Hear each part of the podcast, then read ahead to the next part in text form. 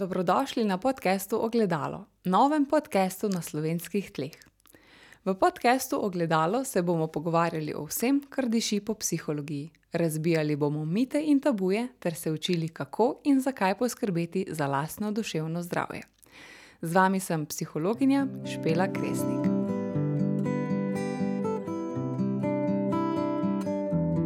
V šesti epizodi bom govorila o možnostih in priložnostih skrbi za duševno zdravje. Danes je namreč 10. oktober, svetovni dan duševnega zdravja.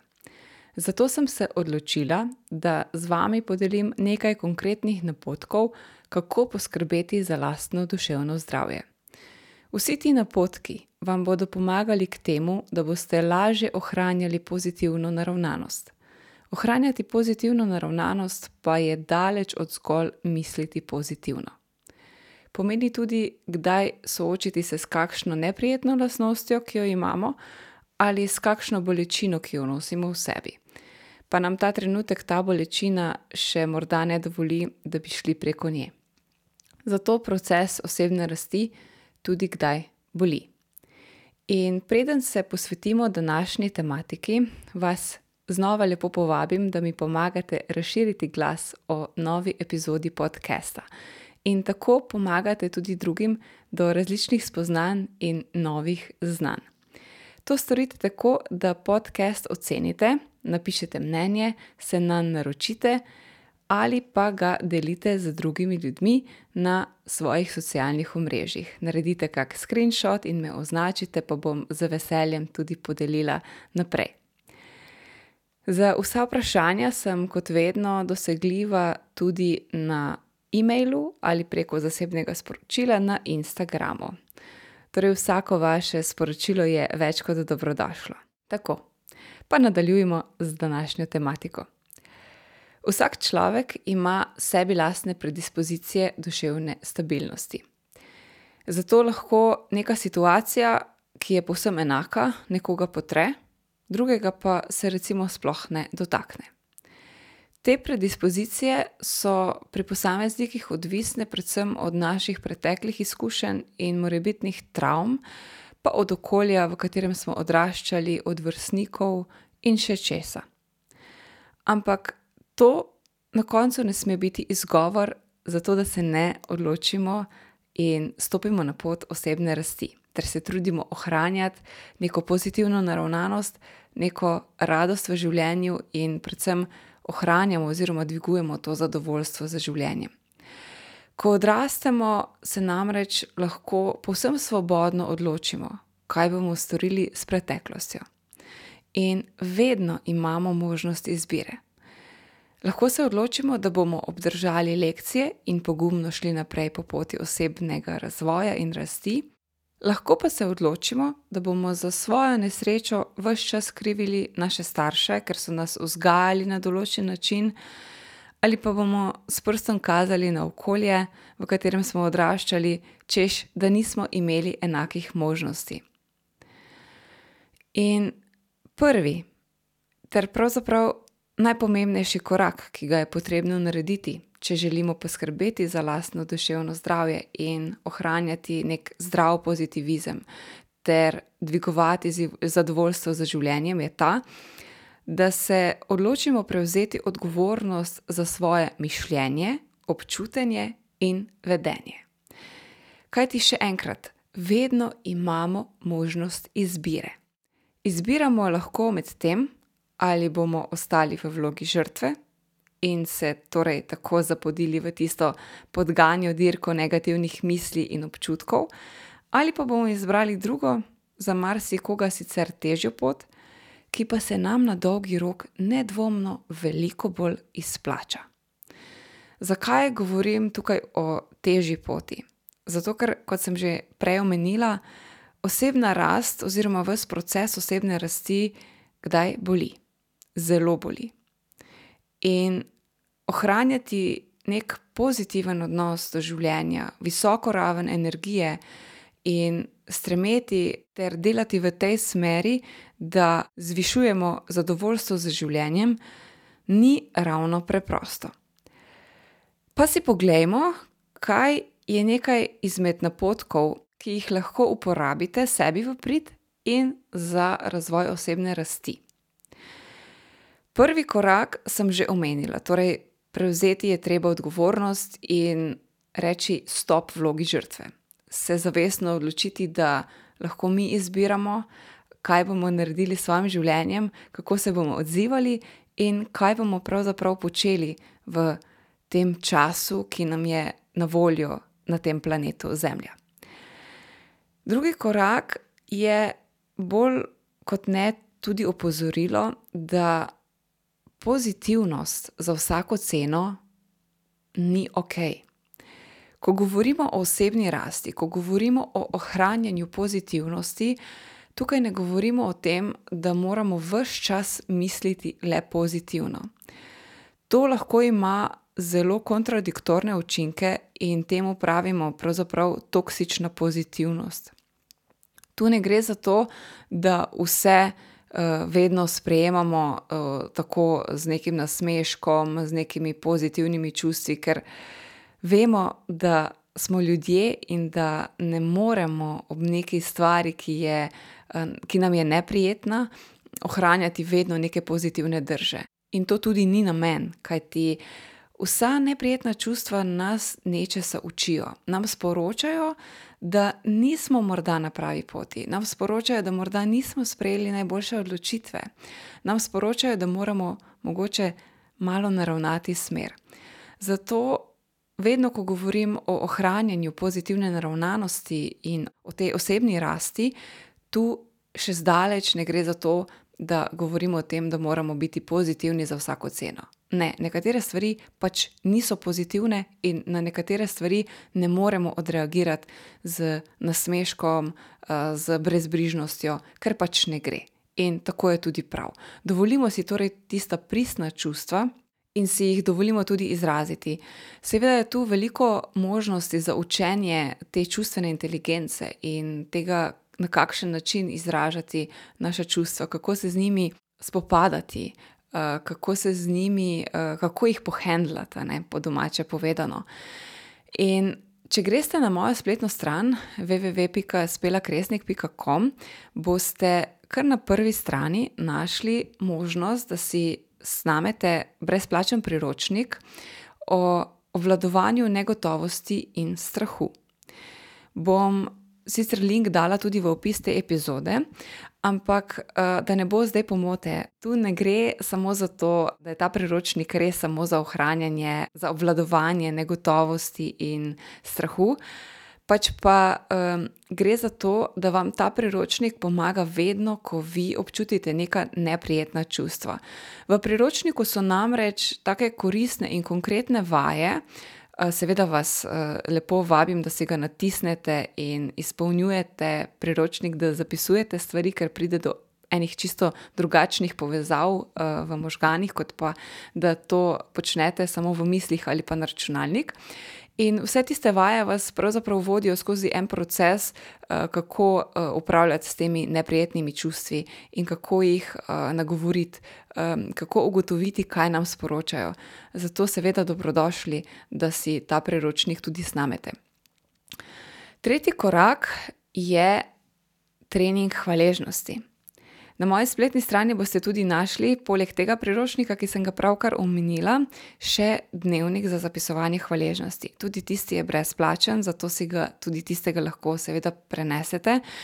In sploh primerjene za tiste, ki ne veste, kako začeti, kako najti te stvari, za katere smo hvaležni. Tam imate nekaj napotkov, uh, ki vam pomagajo uh, začeti prakticirati to hvaležnost. Namreč hvaležnost je ena taka tema, uh, o kateri bi sicer lahko pripravila en poseben, uh, eno posebno epizodo uh, podcasta, zato ker je tako široka. Ima pa številne pozitivne lastnosti in dokazano, zdaj so tudi raziskave že to pokazale, da hvaležnost dokazano izboljšuje življenje, uh, dokazano vpliva na višjo kvaliteto življenja. Zato res ne vidim razloga, zakaj si ne bi na dnevni ravni nekdo vzel tri minute časa, pa zapisal le nekaj stvari, za katere je hvaležen.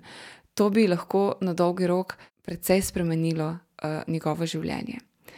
In tudi sama sem se te hvaležnosti zelo dolgo upirala, danes pa pravzaprav skoraj ne mine dan, ko ne zapišem uh, nekaj stvari, za katere sem hvaležna v življenju. Četrti korak je meditacija ali pa neke vaje za sproščanje. Lahko je tudi neka vodena vizualizacija ali pa samo preproste dihalne vaje. Zdaj vem, da marsikdo od vas se ustraši oziroma doživi neprijetne občutke v besedi meditacija, zato ker je marsikomu ta uh, beseda um, tako mistična, oziroma marsikomu meditacija ne gre od rok, zato ker imamo napačna prepričanja. Meditacija ne pomeni misliti na nič, pač pa pomeni zgolj sproščati se in spostaviti nek stik s samim seboj. Spet lahko bi za meditacijo porabila celo epizodo, ampak ne bom, morda kdaj drugič. Vsekakor pa tudi meditacija zelo blagodejno vpliva na naše telo, na naše psihično in fizično dobro počutje. Za vse tiste, ki se morda še niste srečali z meditacijo ali pa imate težave na tem področju, eh, vas povabim, da začnete res zelo počasi. Da za začetek morda se poslužujete nekih vodenih meditacij, kratkih, lahko so tudi samo tri minutne. Eh, in potem postopoma podaljšujete čas. Ker največja napaka je, da rečemo, ok, zdaj bom pa začel meditirati ali pa začela meditirati, in potem mislimo, da nam bo uspelo kar v prvo 15 minut ali pa pol ure, pa tega prej nismo počeli še nikoli. Za marsikoga ni tako enostavno, zato vedno predlagam, da začnete res počasi, po malih korakih ne? in potem to podaljšujete. Zdaj, kar se tiče vodenih vizualizacij, tudi tu imate eno tako čudovito zakladnico na YouTubu teh vizualizacij in vam povem, da je prav prijetno, ko si dovolite vizualizirati vse to, kar si morda želite v življenju, in to vas v bistvu dvigne v eno tako posebno energijo. Zato to vodeno vizualizacijo res uh, tudi sama zelo priporočam. Kar pa se tiče dihalnih vaj, pa recimo eno tako, če podelim z vami, uh, ena taka možnost je, da neko dihalno vajo morda izvajate eno minuto, dve minuti, tri. Kakor vam ustreza. Zelo pomembno uh, pri dihalnih vajah pa je, da imate nek nek ritem, oziroma da si štejete v mislih vdih, uh, zadržanje diha in izdih, zato ker to potem zaposli vaše misli. Ena izmed takih dihalnih vaj je recimo, da za vdih preštejemo do 4, potem dih zadržimo za 7 sekund, oziroma štejemo do 7. In potem izdihnemo v dveh sekundah, oziroma tako, da preštejemo do dve. Potem ta postopek ponavljamo, pač dokler nam to ustreza. Peti korak so lahko motivacijski govori, ki jih najdete na YouTubu ali pa na drugih um, takih aplikacijah. Ne vem, Spotify, vem, da ima uh, odlične um, motivacijske govore. In tudi ti motivacijski govori niso nujno dolgi po 15 minut, tako da zopet mislim, da ima vsak 3 do 5 minut časa vsak dan, da prisluhne enemu motivacijskemu govoru. Um, motivacijski govori so predvsem uh, taka super stvar uh, zjutraj, zato da nas naravnajo, da nam pomagajo, da se že zjutraj, takoj ko se zbudimo, pozitivno naravnamo, oziroma da se naravnamo bolj v tej smeri, da, kako bi rekla, da se nekako napolnimo z energijo. Zato uh, motivacijski govori pravzaprav sploh niso neka slaba stvar, pač pa. Um, Če je njihov namen ta, da nas postavijo v neko pozitivno motivacijsko energijo, potem je to to. So zelo uporabni. Šesti napotek je lahko sprehod v naravi. Narava je namreč ena tako zelo pomirjujoča, um, pomirjujoče okolje, kjer um, sploh, če smo čuječi, če se ustavimo, če pogledamo okoli sebe, se zavedamo, kaj vse nas obdaja, se sprostimo. Ne? In ne samo, da se uh, sprostimo, če smo eh, večino časa v nekem zaprtem okolju, ko gremo v naravo, se tudi osvežimo. Menjamo okolje in menjava okolja našemu telesu vedno prija. Tako da, dajte si čim večkrat priložnost, da greste v naravo in Predvsem pojdite v naravo čuječe, opazite stvari, ki so okoli vas. Ne bodite samo v svojih mislih, pač pa ustavite se, pogledajte, kakšne barve vas obdajajo, kaj vas obdaja. Torej, bodite čuječi, občutite in začutite tisti trenutek tukaj in zdaj. Poglejte, kaj vidite, kaj slišite, kaj tisti trenutek občutite, ko se sprehajate v naravi. Naslednja možnost so telesne aktivnosti. Pri telesnih aktivnostih vemo, da se sproščajo tisti pozitivni hormoni, ki nam pomagajo k dvigu energije in k občutenju pozitivnosti, sreče. In vse to nam potem pomaga k ohranjanju pozitivne naravnanosti, k motivaciji. In tu imamo zelo pester nabor uh, telesnih aktivnosti, in mislim, da res ne bi smeli imeti nekega razloga uh, za to, da pač ne najdemo neke telesne aktivnosti, zato ker toliko, kot jih je, sem prepričana, da vsak najde znotraj tega nabora eno tisto zase, ki mu je prijetna. Je pa res, da včasih pač je potrebno nekaj teh aktivnosti uh, stestirati, uh, sprobati in potem se odločamo, kaj nam je všeč in kaj nam ni. Osma možnost, oziroma osma priložnost, so socialni stiki. Zelo pomembno je, da krepimo našo socialno mrežo.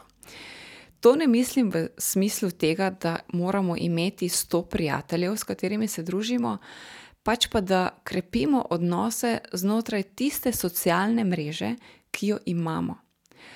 Da imamo res pristne odnose z tistimi ljudmi, ki so nam pomembni, da si dovolimo vzeti čas za nje, in to spet ne pomeni, da si moramo za nje vzeti ogromno časa.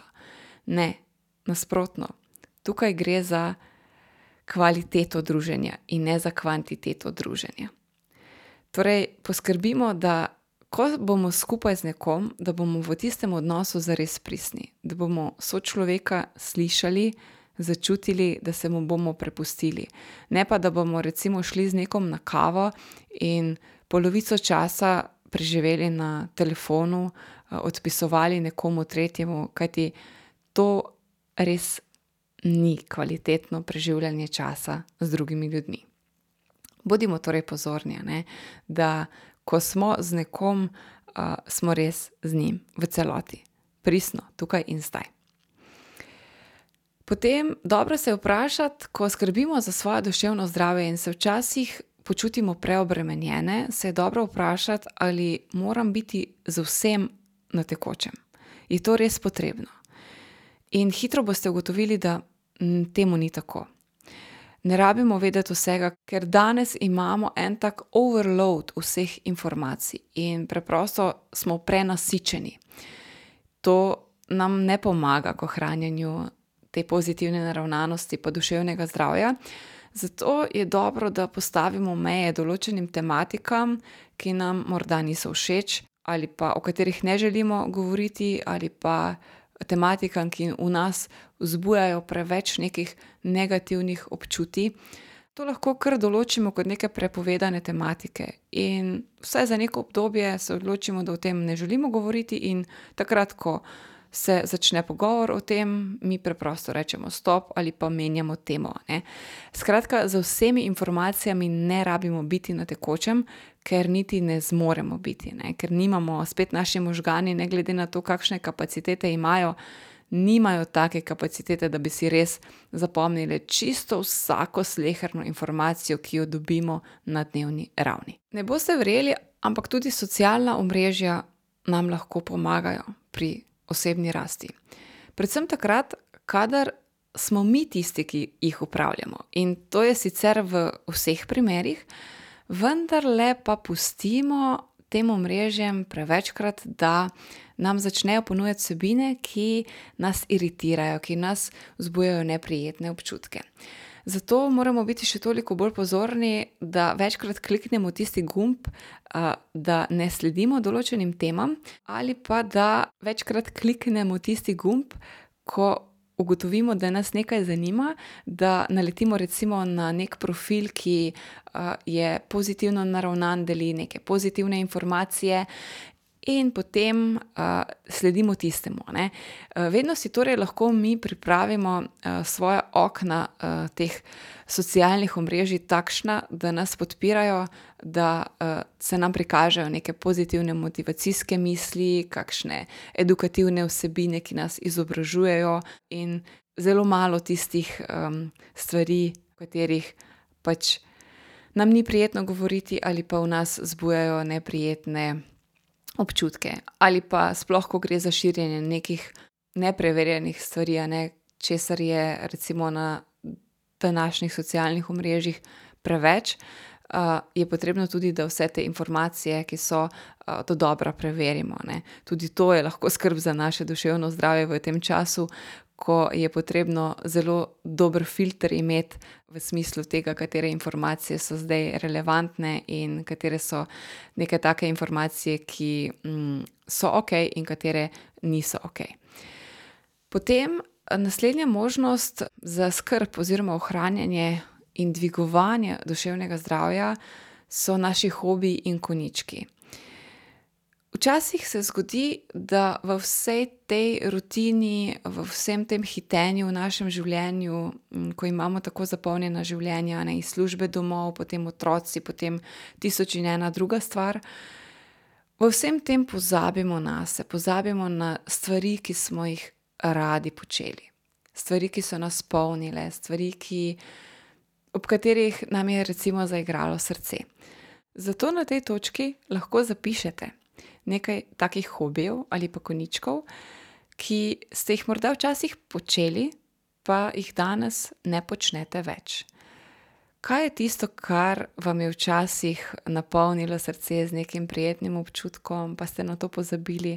Kaj so tiste stvari, ki bi jim morda bilo dobro posvetiti več časa, zato ker polnijo vas, ker polnijo vašo energijo? Veste, ker če se bomo pustili izprazniti, na koncu ne bomo imeli energije, uh, niti zase, kaj šele za druge, kaj šele za stvari, ki nas osrečujejo, niti to se nam več ne bo dalo početi. In potem, absolutno, če mi nimamo energije, tudi nimamo energije za iskanje pozitivnega. Mi vemo, da lahko v vsaki situaciji najdemo lekcijo in najdemo nekaj, kar se lahko novega naučimo, uh, lahko se odločimo in poiščemo pozitivne vidike vsake situacije, pa vendarle tega ne zmoremo, če smo preveč izpraznjeni, če si dovolimo, da se preveč utrudimo. Zato je tako pomembno, da se hkrati polnimo, in zato je tako pomembno, da skrbimo za svoje duševno zdravje. Ker, ko mi uspemo vzpostaviti nek uh, ritem uh, tega uh, pozitivnega mišljenja oziroma ohranjanja pozitivnega uh, razpoloženja, nam bo tudi prej uspelo najti uh, te pozitivne stvari v našem vsakdanu ali pa v stvarih, ki niso morda nujno optimalne. Ne? Zato je tako pomembno, torej, da res. Poskrbimo za sebe, pa ne v smislu egoizma in individualizma, pač pa v smislu tega, da ko bomo dobro poskrbeli za sebe, bomo lahko svojo energijo dali tudi naprej, drugim ljudem. Tega pa ne zmoremo, če sami nimamo energije. Zato na tem mestu tudi na list papirja zapišite vse svoje zmage, ki ste jih v življenju dosegli. Kaj je tisto, na kar ste ponosni pri sebi? Sprehodite se po svoji zgodovini ali po svojem muzeju življenja in pogledajte, kaj krasi vaše muzejske stene v vašem življenju? Kaj so tiste stvari, na katere ste lahko ponosni, ki so vredne umembe za vas, ne za druge? To so lahko zelo mali koraki, ki pa vam osebno pomenijo veliko. Naštejte torej svoje zmage. Naslednja možnost je pisanje dnevnika. Pisanje dnevnika je ena taka čudovita aktivnost, bodi si za vsak dan, da na koncu dneva pregledamo svoj dan, kako smo se imeli, kaj smo lepega doživeli, kaj smo se naučili, ali pa jo lahko uporabimo takrat, kadar se ne počutimo optimalno, kadar imamo občutek, da nas nekaj stvari teži in bi jih radi dali nekam ven. Takrat je pisanje dnevnika še posebej priporočljivo. In torej tudi to pomaga k ohranjanju duševnega zdravja.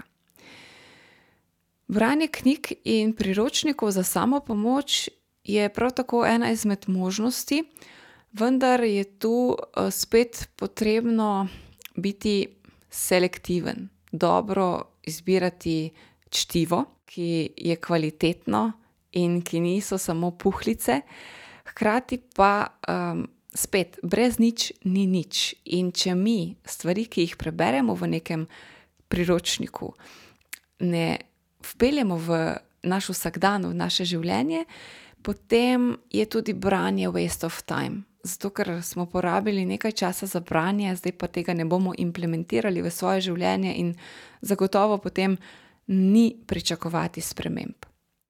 Še ena taka priložnost za dvig pozitivne naravnanosti in za skrb za lastno duševno zdravje je ta, da si naredite tablo vizij. To je potem tudi dobro, dobro orodje za vizualizacijo, o kateri sem prej že govorila. Tablo vizij si preprosto pripravite tako, da najdete fotografije, ki v vas zbudijo neke prijetne občutke, recimo tistih krajev, ki bi jih radi obiskali, ali pa neke, nekih predmetov, nekih stvari, ki bi si jih radi nekoč kupili. Vse to si lahko izrežete ali natisnete in potem uh, nalepite na en tak večji format papirja. Ali pa na neko mesto, kjer boste to uzrli večkrat in kjer vas bo to upomnilo na vaše želje. In potem, um, seveda, zopet ta tabla vizija, ne, tu je potrebno delo in aktivna vizualizacija vsega tega, uh, ker zopet, ne, če nič ne bomo naredili, to ne pomeni, da če bomo neko stvar samo nalepili nekam, da jo bomo vsak dan opazili, da bo potem ta stvar kar naenkrat prišla v naše življenje. Tako enostavno ne gre, a ne v zadju se mora odvijati še um, neka. Uh, druga, uh, druga stvar, se pravi, moramo to stvar res začutiti, da jo želimo, in delati čim več na vizualizaciji, si predstavljati, kako te stvari že imamo, kako se počutimo, ko jih imamo, in tako naprej. Spet je to ena taka tema, zelo široka, ki jo lahko uh, dam v en sam podcast, pa naj ostane morda za kdaj drugič, ker bo še veliko priložnosti. Kako še lahko osebnostno rastemo? Tako, da čim večkrat skočimo iz cone udobja. Vedno so priložnosti in vedno je pravi čas, da osvojimo nove veščine. In osvajanje novih veščin vedno pomeni skok iz cone udobja. Zato poskušajte poskrbeti, da imate na dnevni ravni teh skokov iz cone udobja vedno več. Skok iz cone udobja pomeni tudi, da naredite nekaj, kar vam sicer ni najbolj prijetno, ampak hkrati vas malo privlači. Recimo, da ogovorite nekoga, ki bi mu radi povedali, ne vem, recimo, da ima neko čudovito obleko in želite tej osebi povedati, da je ta obleka čudovita, pa te osebe ne poznate, to je za marsikoga lahko zelo neprijetno. In hkrati vemo, da je to neko dobro dejanje, ki bo morda polepšalo dan tudi tej osebi, ki nosi to obleko. Zakaj je torej ne bi pohvalili? Ne glede na to, kako se bo oseba odzvala, ne, ker vemo, da tu Slovenci imamo kar velike izzive z sprejemanjem eh, pohval, ampak eh, ne glede na to, zagotovo zdaj ta oseba ravno jezna na nas ne bo. No. Ne? Uh, tako da take male skoke iz cone obdobja. Cona obdobja pomeni, da gremo iz tistih ustaljenih tirov. Skok iz cone obdobja pomeni tudi, da se morda uh, kak dan peljemo iz službe po drugi poti in ne gremo po tistem ustaljenem tiru, ki ga že tako zelo dobro poznamo. Torej, da naredimo nekaj drugače, kot delamo sicer. Vse to je skok iz cone udobja. Zdaj pa še zadnja taka stvar, ki bi jo želela danes deliti z vami, uh, je ta krok vplivanja. To je ena tako zelo pomembna zadeva, uh, ki nam pomaga v bistvu videti, kaj so stvari, na katere imamo vpliv, in kaj so stvari, na katere nimamo vpliva. Ker ko se tega zavedamo, se lahko potem vedno opominjamo, da okay, ni vredno izgubljati energije za stvari, na katere nimam vpliva, ki so izven moje kontrole. In posebej ta zadeva je zelo pomembna za našo duševno zdravje, zato ker ko se zavedamo, kje je naš krok vplivanja, vemo, da za tiste stvari, na katere lahko vplivamo, je vredno dati našo energijo. Za vse ostalo pa je dobro, če to našo energijo čim bolj zminimiziramo. Torej, ohranjamo neko raven energije za stvari, na katere lahko vplivamo, in to so naše besede. Mi smo odgovorni za to, katere besede izbiramo, ko se s kom pogovarjamo, ali pa ko se pogovarjamo sami s seboj. Bodite pozorni na to, koliko krat sami sebi rečete kaj neprijetnega, um, kaj neprimernega, in poskušajte to čim bolj ozaveščati in početi čim manjkrat. Kajti vse to, kar govorite sebi, vaša podzavest sliši in to potem tudi vi verjamete. In to je znotraj vaše kontrole, kar pomeni, da sem lahko dajete svojo energijo in potem delate na tem, da uh, uporabljate čim manj grdih besed zase in hkrati tudi za druge. Potem vplivate lahko na vaše vedenje, uh, na vaše odločitve, ki jih sprejmete, vplivate lahko na to, kako uh, ravnate z drugimi ljudmi. Vplivate lahko na to, ali boste v določenem trenutku sledili nekim pravilom in svojim notranjim standardom ali ne. Vplivate lahko na to, kako se soočate z lastnimi občutki. Vplivate lahko na to, kako vi poskrbite zase. In skrb zase je tudi skrb za svoje telo, za nego, ki ga namenjate svojemu telesu.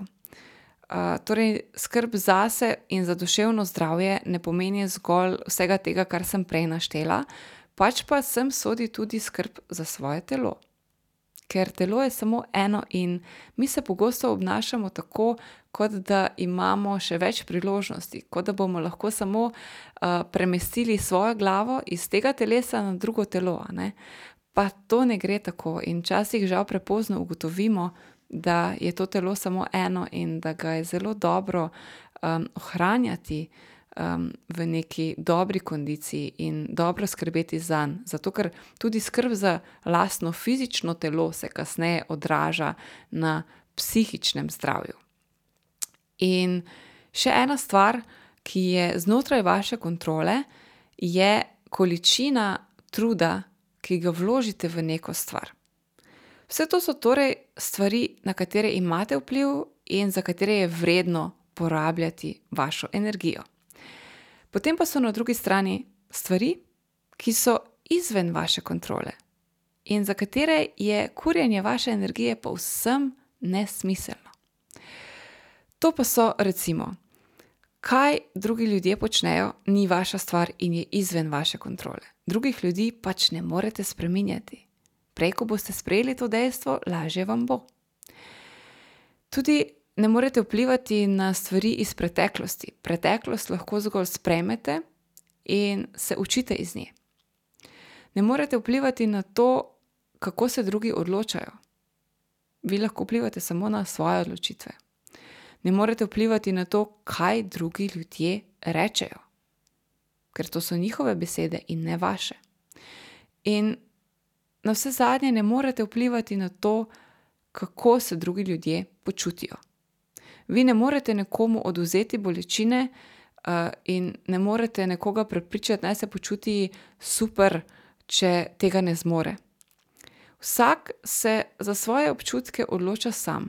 Pa naj se sliši to še tako čudno, ampak vedno torej tudi poleg odziva izberemo svoj občutek, ker tako kot se odzovemo, ne, se bomo potem tudi počutili. In to je tako zelo tesno povezano, pa mogoče za koga zelo težko razumljivo, ampak tako je. In še ena stvar, na katero ne moremo vplivati, pa se zdi, kot da okoli nje izgubljamo včasih veliko energije, je vreme. Vreme je takšno, kakršno je, in mi smo tisti, ki si lahko naredimo naše notranje vreme. Sploh v teh časih, ko bo sonca vedno manj in več mrzlih dni, manj bo svetlobe, morda bo več tudi dežja. Sploh v teh dneh marsikdo doživlja te uh, prehodne stiske, um, take tesnobe, negotovosti ali pa to vpliva na njega kot uh, na znižanje motivacije. Pa vendarle, spet imamo mi možnost, da se odločimo, da se bomo počutili drugače, da si mi naredimo naše notranje okolje znotraj svojega doma drugačno, da si mi pobarvamo svoj dan v lastne barve, v tiste barve, ki jih mi želimo zazreti, ne? in ne v tiste, ki jih narekuje trenutno vreme. Ampak zopet tu je na nas in tu je zopet stvar odločitve, kako se bomo odločili se bomo prepustili vremenu in bomo svoje počutje eh, usklajevali z njim, ali pa bomo naredili sami kaj za to, da bomo poskrbeli zase in si znotraj sebe priklicali sonce. Čeprav sem že prej rekla, da je ta krok vplivanja še zadnja stvar, ki jo želim podeliti z vami, sem se vmes spomnila še dveh zelo pomembnih stvari, ki prav tako pomenita skrb za lastno duševno zdravje. Prva stvar je, da se kdaj ali pogosteje udeležite kakšnega predavanja ali še bolje delavnice za osebnostno rast ali iz področja mehkih veščin, kot je naprimer komunikacija, reševanje konfliktov, samopodoba in podobno. Druga stvar pa je psihološko svetovanje v primeru kakšnih čustvenih stisk ali pa če se morda najdete na razpotju, pa ne veste, kako naprej. Lahko pa je to tudi coaching za vse tiste, ki želite svoje rezultate oziroma cilje doseči še hitreje in prepoznati svoje potencijale ter jih izkoristiti. Naj pa vas samo še spomnim na to, da kot sem povedala že v četrtem podkastu, velja do konca oktobra tega leta za vse, ki se boste prijavili na psihološko svetovanje ali coaching, 30% popust za prvo srečanje, ki lahko poteka v živo ali pa online. Zdaj imate torej zares ugodno priložnost, da si to privoščite. Zdaj pa mislim, da sem zares izčrpala vse ideje in napotke, ki jih trenutno imam in s katerimi lahko poskrbite za dvig kakovosti lastnega duševnega zdravja.